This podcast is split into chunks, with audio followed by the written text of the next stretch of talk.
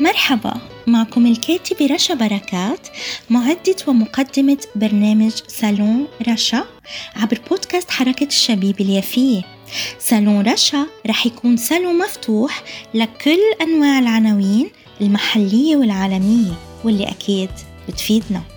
اسمعونا على منصات التواصل الاجتماعي والتطبيقات سبوتيفاي Podbean جوجل وابل وطبعا على الفيسبوك بصفحتي بودكاست حركة الشبيب اليافية وحركة الشبيب اليافية سالون رشا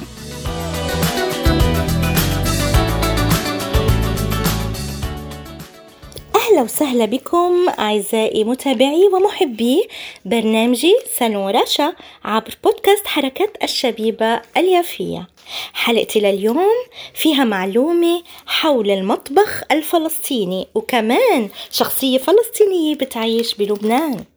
الشيف الفلسطيني صلاح عبد الهادي من بلدة الخالصة شمال فلسطين قضاء صفد وهو شيف شيف مطبخ يعمل في دار الأيتام في لبنان.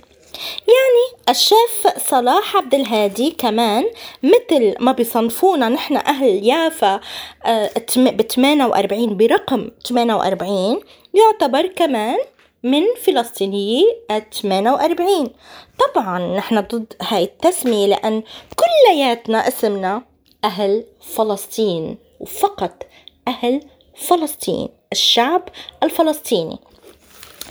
تهجر جد الضيف وقت النكبة بالتهجير القسري وبالمؤامرة اللي تمت بحق شعبنا الفلسطيني وأجا على لبنان. وبالتحديد على جنوب لبنان وسكن بمخيم النبطية وبعدها انتقل لتل الزعتر ببيروت بعد تدمير مخيم النبطية بالجنوب من قبل محتل وطننا فلسطين.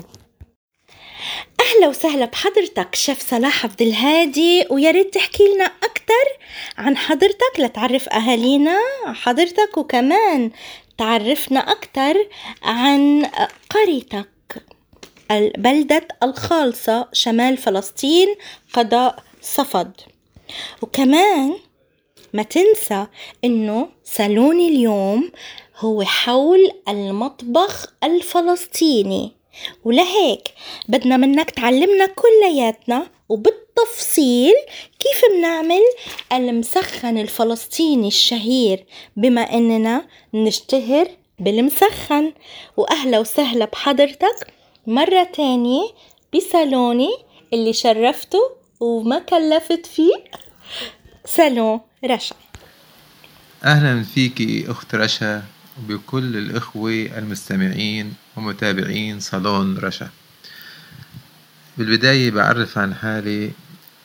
صلاح علي عبد الهادي من بلدة صغيرة تقع في شمال فلسطين آه، بلدة الخالصة قضاء صفد وبلدة الخالصة تبعد عن جنوب لبنان وسوريا يعني كيلوات المترات يعني آه بدك تقولي كيلومتر آه من سوريا وكيلومتر من لبنان.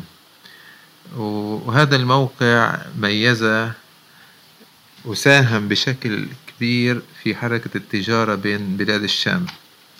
لأن كانت الخالصة تشتهر بسوق يسمى سوق الخالصة بهديك الأيام. وكان آه، بيجيب كل التجار من لبنان وسوريا لبيع بضاعتهم وشرائه وشراء بضاعة أخرى وتبادل يعني تبادل البضاعة بين الفلاحين وتجار لبنان وسوريا. هاي البلدة كانت تشتهر بالزراعة بالحمضيات والزيتون والذرة وبعض الأحيان الأرز وبعد العدوان على فلسطين والنكبة. تهجر أهل المنطقة تاركين كل شيء على حاله أملا بالعودة.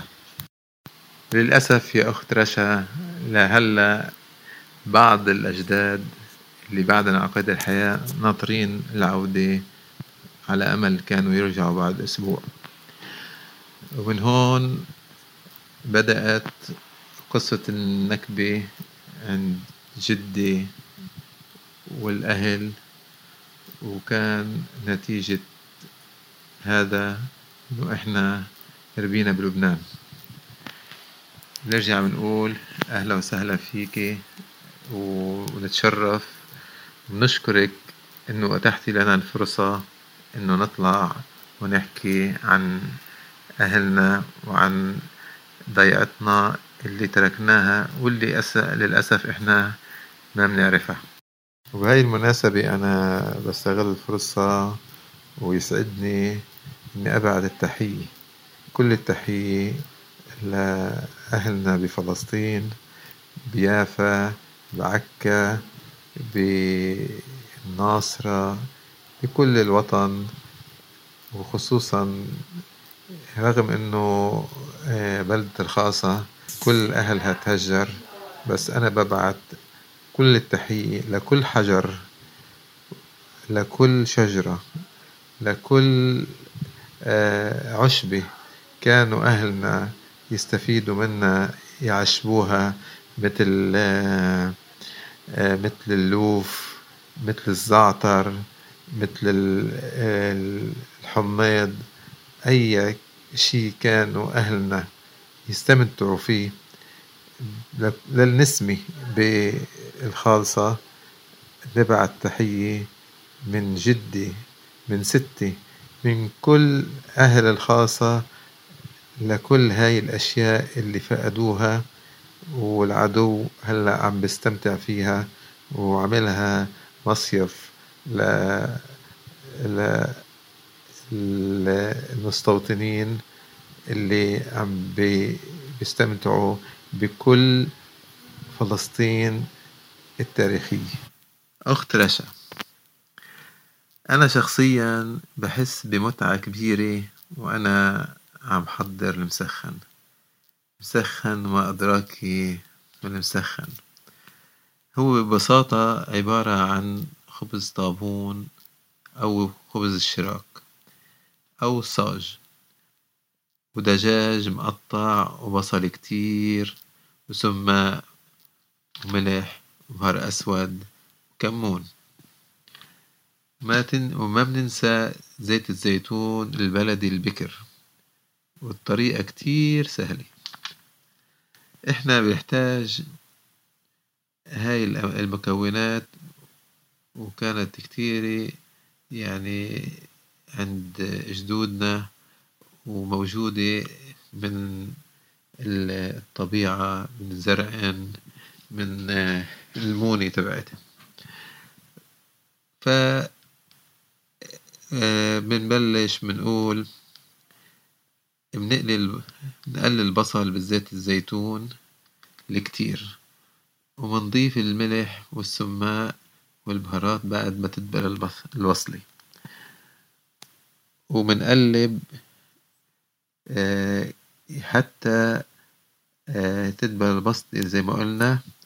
وبنضيف الدجاج المقطع ونسيبه على مهله ليستوي. وبس يستوي الدجاج والبصل بنشيل الدجاج على جنب.